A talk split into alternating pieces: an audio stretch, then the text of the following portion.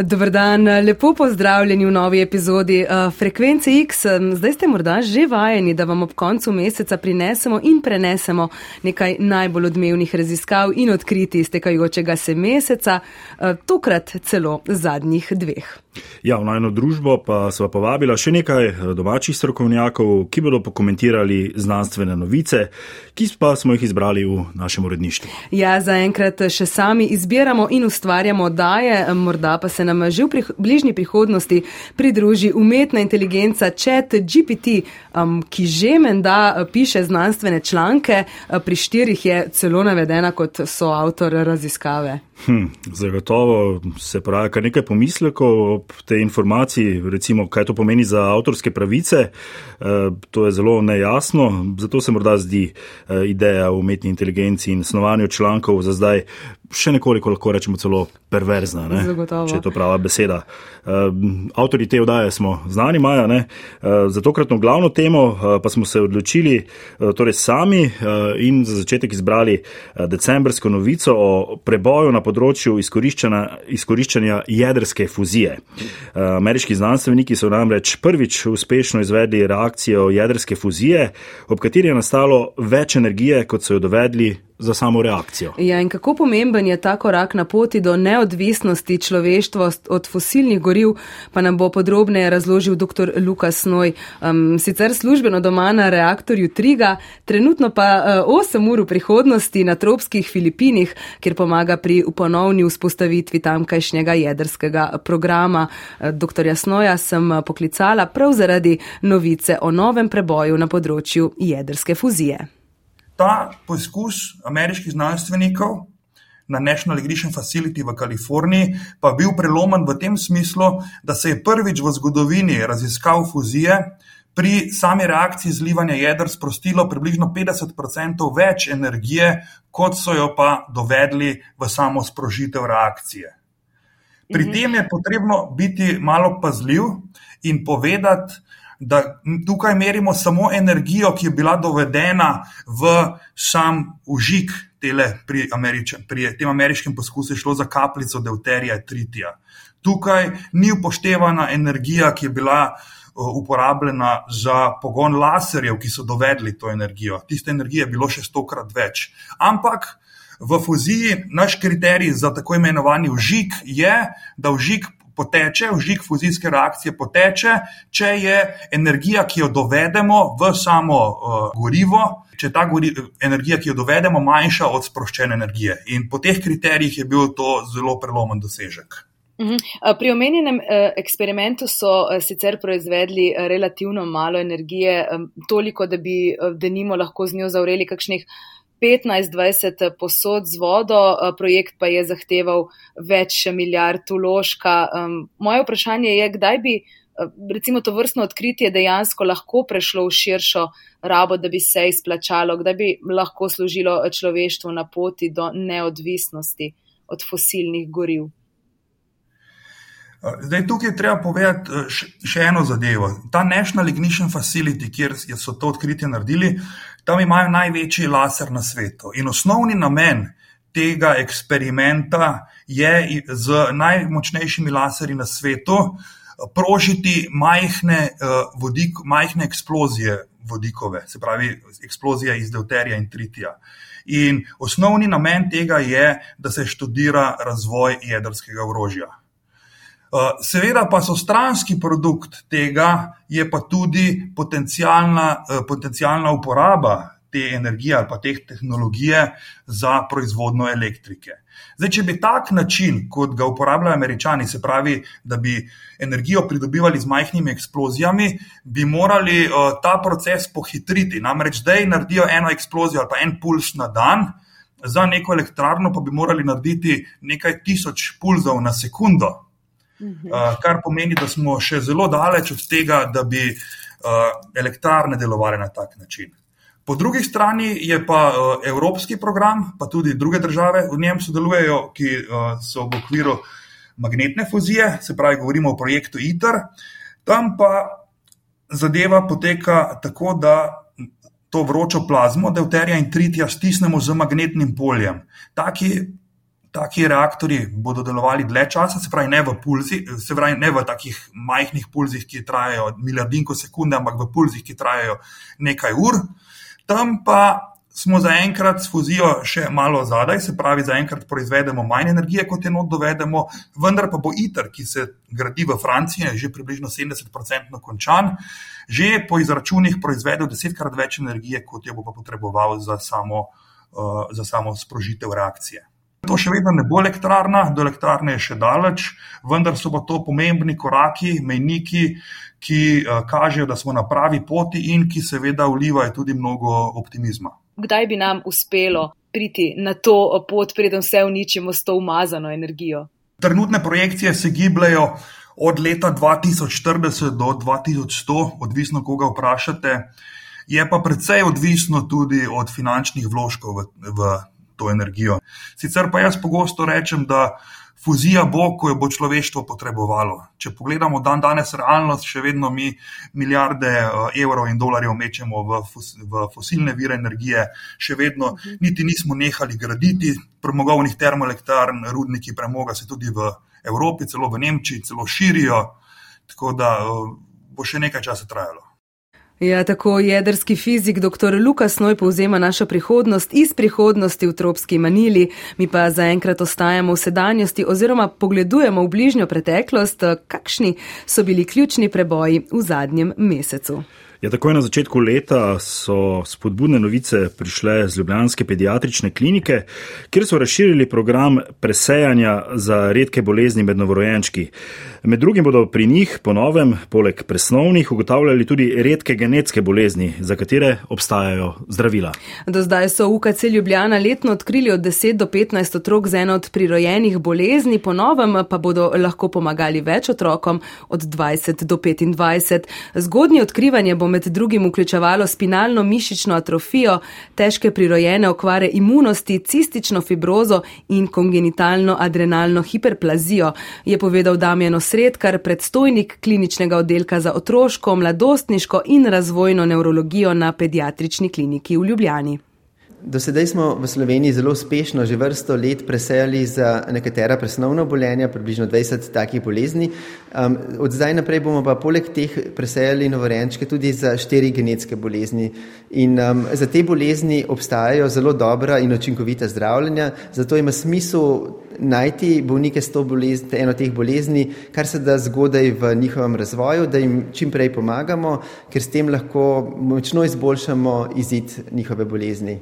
V idealni situaciji bi lahko bolniku s tako redko boleznijo pomagali do te mere, da bi se razvijal tako kot zdrav um, sovrstnik. Recimo za spinalno mišično atrofijo pričakujemo približno 2 do 3 bolnike na leto, ampak govorimo o relativno majhnem številu pacijentov, ampak ker je izid tako boljši, ne, bodo ti bolniki ne, lahko živeli samostojna življenja, v preteklosti pa smo jim lahko pomagali samo simptomatsko, kar pomeni, da se je bolezen razvila v polnem razmahu in so bile tako njihova kvaliteta življenja zmanjšana, kot tudi življenjska doba bistveno skrajšana. Zakaj pa je tako pomembno začeti tako zgodaj, da, da se odkrije zelo, zelo zgodaj?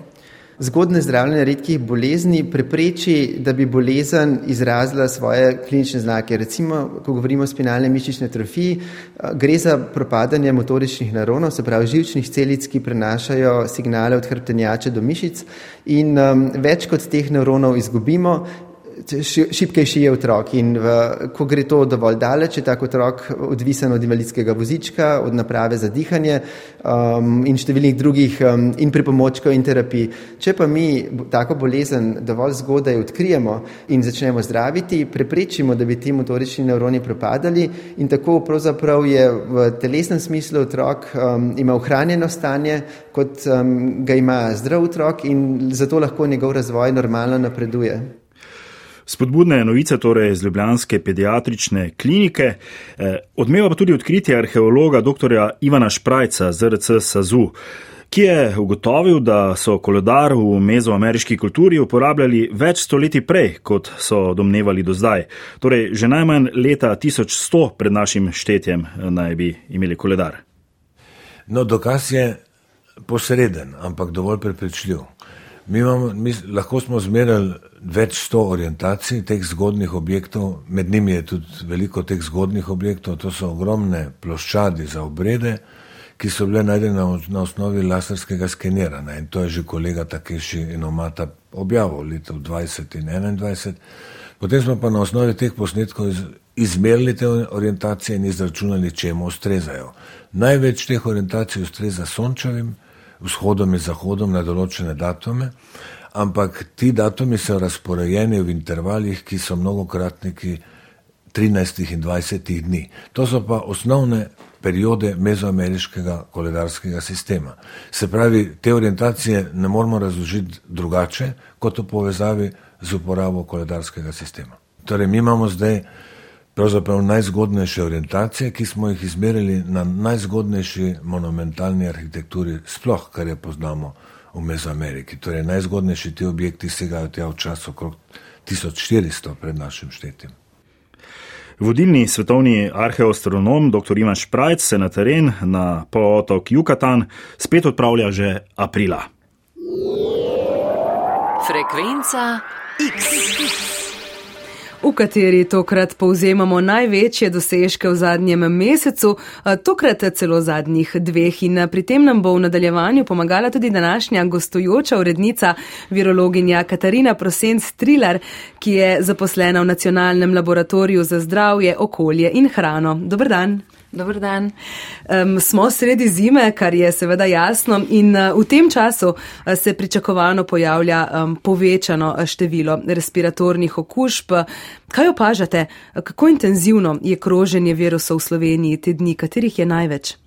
Ja, seveda, po zimi je intenzivno kroženje virusov, kot ste omenili, in v trenutni situaciji je še vedno kar nekaj okužb z SARS koronavirusom 2, sicer pa prevladujejo okužbe z virusi gripe. Letos prevladuje influenca tipa A, podtipa AH1N1 in AH3N2, približno v enakem razmerju.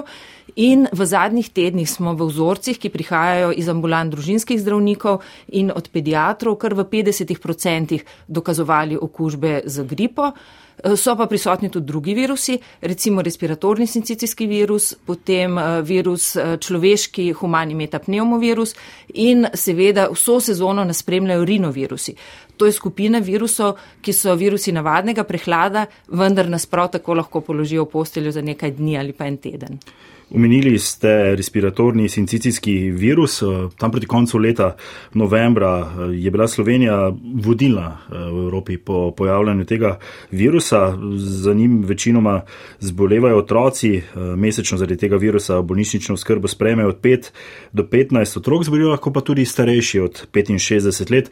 Morda nam pojasnite, eh, kakšni so znaki tega virusa in kako nevaren je lahko.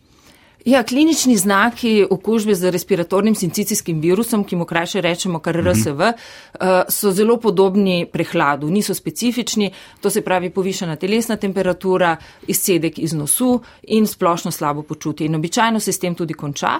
Eh, lahko pa pride do tega, da virus udre v pljuča, se tam bolj intenzivno raznožuje. V tem primeru pa eh, pride do oteženega dihanja, do dražečega kašlja, hitrega dihanja, piskajočega dihanja, lahko tudi bronhitisa in pljučnice. In uh, v takih primerjih govorimo o težjem poteku in lahko pride tudi do potrebe po bolnišničnem zdravljanju. Zdaj te visoke številke, ki smo jih letos na začetku opazovali, pa že tudi lansko leto, so posledica vsaj tako sklepamo, ukrepov, ki smo jih imeli v pandemiji, mhm. otroci se niso družili v vrtcih in šolah in veliko otrok se šele v tej sezoni prvič srečuje z respiratornim sincicijskim virusom in jasno, absolutna številka je večja, potem je več težjih potekov, zaradi tega je bilo več hospitaliziranih. Mhm. Situacija se pa zdaj že nekoliko umirja. Mhm. Tudi te vremenske razmere vplivajo ugodno, če se lahko tako izrazim. Ja, čeprav zdaj no sem slišala, spet napovedujejo neke ohladitve, tako da, da ne moremo reči, ne za gripo, ne za RSV, če smo že prišli vrh epidemije. Zdaj pri starejših je pa zadeva taka, da uh, imunski sistem je nekoliko slabši, uh, ne deluje več tako dobro in tudi zato lahko pri njih pride do težjih potekov uh, in tudi pri starejših lahko pride do potrebe zdravljenja v bolnišnici. Je pa še en drug faktor, to je pa ta, da uh, starejši seveda pogosto skrbijo za svoje vnuke, se pravi, so v dnevnem kontaktu, tesnem z majhnimi otroci, ki so pa znani odlični prenašalci virusov, ki se prenašajo kaplično ali aerosolno. Ja, prej ste omenili, da smo bili, um, ker smo bili zaprti uh, v pandemiji um, koronavirusa, uh, se um, seveda otroci niso mogli prekužiti že prej in se je pojavil um, kasneje in bolj uh, učinkovite, če lahko tako rečem, tale RSV virus. Ampak ja, o COVID-u res ne slišimo več pogosto, vsaj ne pri nas, uh, ampak ne moremo pa kar mimo nove zadnje različice COVID-a XBB 1,5, ki se je najprej pojavil v Združenih državah Amerike in je menda. Zelo kužna različica. Kako je z okužbami s to podrazličico pri nas in kako smo sploh na njo odporni? Smo? Ne preveč. ja, tako je. Zdaj iz srečo imamo, da že vse zadnje različice in podrazličice omikrona povzročajo manj težkih oblik in zaradi tega je tudi govora manj, manj pritiska na zdravstvo, eh, manj hospitalizacij. Zdaj ta zadnja različica, ki ste jo omenili, XBB 1.5, je uh, v bistvu ena rekombinanta, se pravi sestavljanka iz dveh podrazličic eh, BA2 in uh, je prevzela mutacije iz teh dveh in na srečo ne kaže, da bi imela mutacije, ki jih poznamo, da so povzročale težje oblike pri drugih različicah. Ma pa mutacijo, ki omogoča virusu izjemno uspešno in trdno vezavo na celico, dobro se veže, hitro se razmnožuje in zaradi tega grejo okužbe tako hitro naprej. In kot ste omenili, najprej so ga našli v ZDA in ocenjujejo, da se tam podvojijo okužbe prav za to različico v devetih dneh, kar je relativno hitro, pomeni nekje, da Pred enim mesecem je bilo, če gledamo vse okužbe za SARS koronavirusom 2, je bilo nič cela 5 odstotkov uh -huh. okuženih s to različico v Ameriki, eh, zdaj jih je okrog 50 odstotkov. Se pravi, gre resnično hitro. Zdaj v Sloveniji imamo potrjenih devet primerov, ampak gotovo jih je več. Zaradi tega, ker eh, seveda je manj testiranja, ker so lažje oblike in tako tudi manj sekveniramo, se pravi, določamo genotipe, ampak vemo, da različica pri nas je, tako kot tudi v drugih evropskih državah in ni še v ogromnih številkah, ampak te številke naraščajo. Zdaj, tako kot smo omenili, na to različico nismo prav dobro imuni ker je ena od tistih variant, ki pobegnejo imunskemu sistemu in naše prejšnje okužbe ali pa cepljenje nas samo delno ščitijo pred okužbo ali pa pred težjim obolenjem s to različico. To se pravi, ima potencial, da povzroči še kakšen val ali pa vsaj, da prevzame večji delež med okužbami SARS koronavirusom 2, tako kot so ga že prejšnje različice, mhm. najprej Delta pa Omikron, mogoče pa pa zdaj ta prevladujoča. Virologinja magistrica Katarina Prosenc Trilar je naša današnja gostujoča rodnica. Uh, prosili smo vas, da med številnimi zanimivimi preteklimi raziskavami tudi sami eh, izberete tisto, uh, na kateri se vam je najbolj ustavil pogled, vam je zanimiva in jo seveda predstavite. Uh, kaj ste izbrali? Že prej smo govorili o respiratornem sincicijskem virusu RSV in nekako me je pravzaprav zelo razveselilo, da je na vidiku, da je cepivo, mogoče celo več cepiv proti respiratornemu sincicijskemu virusu in morda ga bomo dobili oziroma jih bomo dobili še v tem letu ker eh, cepivo razbi, razvijajo od 60-ih let eh, prejšnjega stoletja.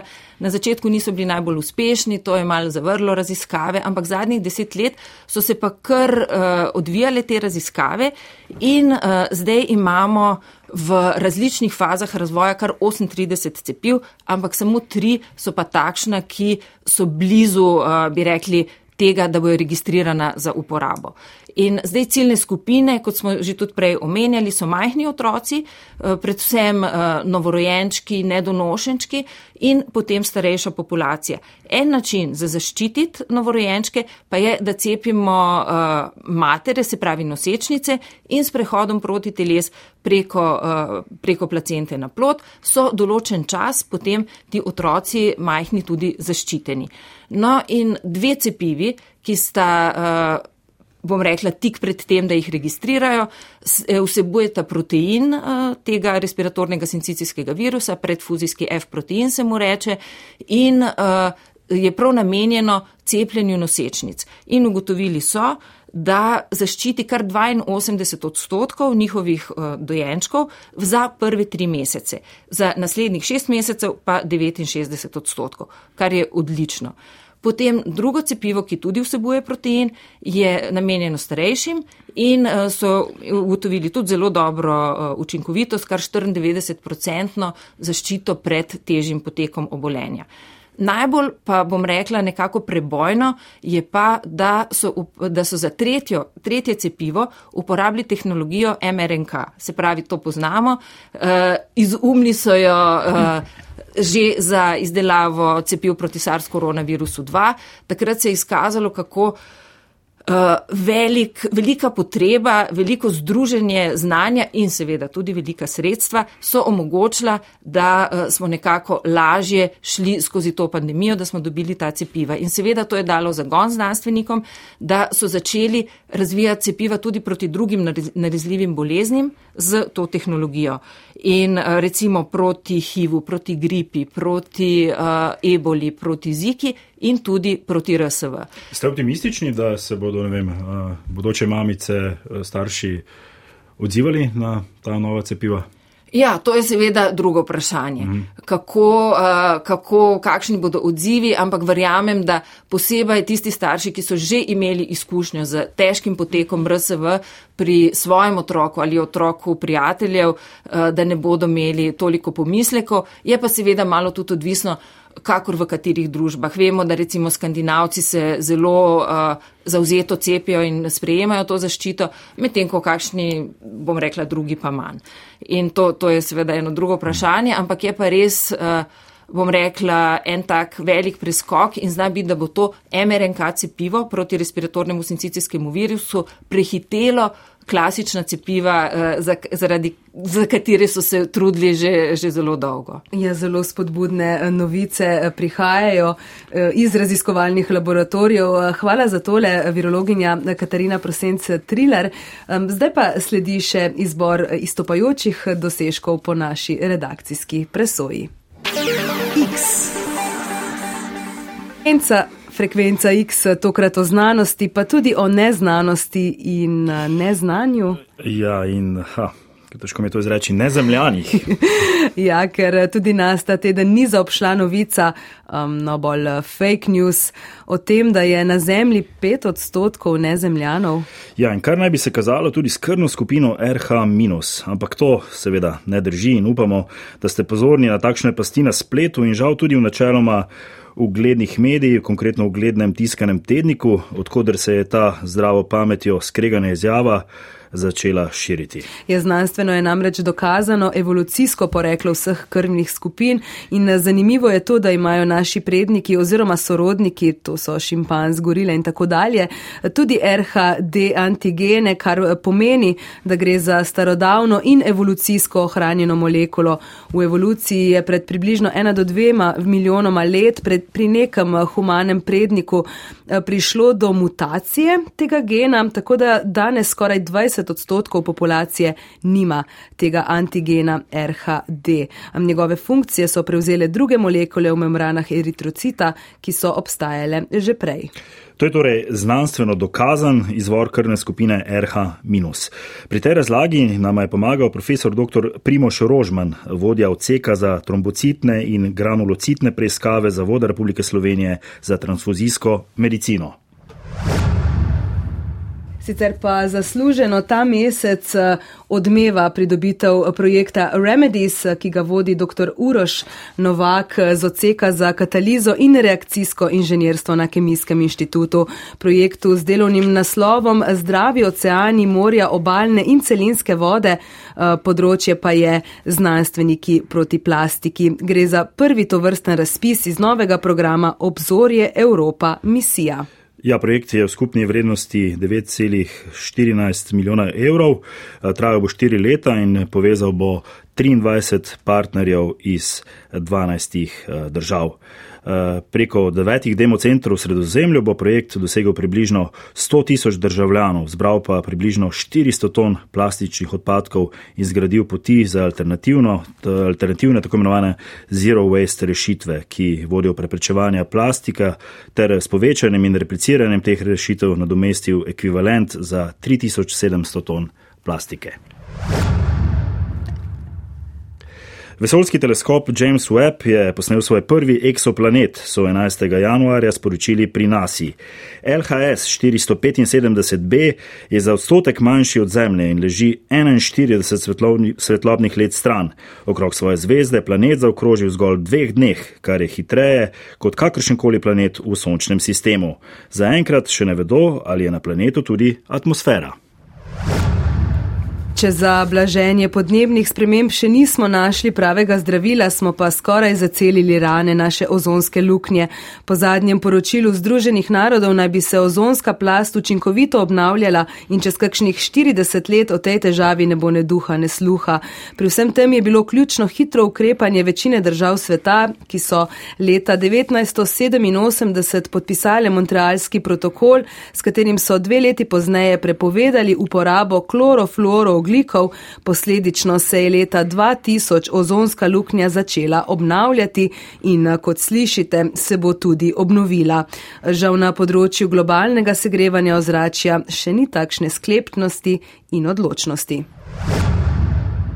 Na odseku za znanosti o okolju na inštitutu Jožefa Štefana so dobili novo raziskovalno urodje, mastni spektrometer, ki bo omogočal izjemno natančnost določanja mase molekul in njihovih sestavnih delov. Masni spektrometer je pravzaprav tehnica, ki tehta molekule in dele molekul. Spektrometrom rokuje tudi doktorica Tina Kosjek, torej iz inštituta Jožefa Štefana. Masni spektrometer te molekule tehta, jih razvrsti, jih prešteje in na tak način nam daje podatke o tem, za katero molekulo gre in o količini neke molekule spojine v vzorcu. Um, zdaj predstavljajte si, da v našem vsakdanjiku je ogromno, ogromno kemikalij, ki nas obkroža, nekatere med njimi vplivajo na naše zdravje in mi jih ne poznamo. Vemo pa, da smo jim izpostavljeni, a ne to je dokazano. In tej, zavedati se moramo, da, da smo izpostavljeni z mesem teh spojin uh, in imajo škodljive učinke na naše zdravje, ki se lahko seštevajo. In raziskave, ki jih omogoča ta nov masni spektrometer, v bistvu pripomorejo k boljši oceni izpostavljenosti teh, tem neznanim ali pa znanim spojinam in pri prepoznavanju recimo vloge kemikalij pri razvoju bolezni. To je ena izmed takih aplikacij. Tu govorimo še o čistih tehnologijah, nadzoru izpustov v okolju, nadzorovanju pesticidov v hrani, o razvoju zdravil in o boljši diagnostiki. Po besedah dr. Tine Kosjek pa je poglavitno področje ravno okolja in zdravja, predvsem izboljšanje ocen tveganja zaradi izpostavljanja toksičnim spojinam. In še ena zelo sveža novica z inštituta. Profesor dr. Peter Križan eh, z inštituta Jožefa Štefana in z fakultete za matematiko in fiziko v Ljubljani je dobitnik ERC projekta Proof of Concept, ki ga razpisuje Evropski raziskovalni svet. Njegov najnovejši projekt, eh, projekt CHAIR-PET, je namenjen razvoju nove vrste detektorjev za pozitronsko tomografijo. Čestitamo! Takole pa smo počasi prišli do konca naše tokratne znanstvene oddaje, v kateri je z nami še vedno tudi gostujoča urednica, virologinja Katarina Prosen-Striler. Um, kaj vas čaka v prihodnjih dneh? Na raziskovalnem področju. V prihodnih dneh in še kakšnem mesecu prav gotovo spremljanje gripe in drugih okužb dihal, zelo, uh, bom rekla, natančno analiziranje vzorcev, ugotavljanje, eh, koliko je česa prisotnega in te informacije seveda potem zbiramo v tedenskih poročilih in jih posredujemo epidemiologom, infektologom, pediatrom, vsem, ki jih najbolj potrebujejo za svoje delo. Najlepša hvala za obisk na valu 202. To je bila zadnja januarska frekvenca X, v kateri smo torej zaobjeli najzanimivejše in najbolj odmevne raziskave in projekte zadnjih dveh mesecev. Že za prihodnji teden pa Maja Rate skupaj s strokovnim sodelavcem dr. Matejem Hušem pripravlja novo epizodo, tudi o novem zdravilu za Alzheimerjevo bolezen. Ne zamudite in hvala, da ste bili tudi danes z nami. Hvala vam, virologinja Katarina Prosent-Striler, za sodelovanje in Luka Te tebi za sovodenje. Naročite se na naš podcast Frekvenca X, ga ocenite, veseli smo vseh vaših odzivov. Bodite dobro in lepo pozdravljeni. Frekvenca X.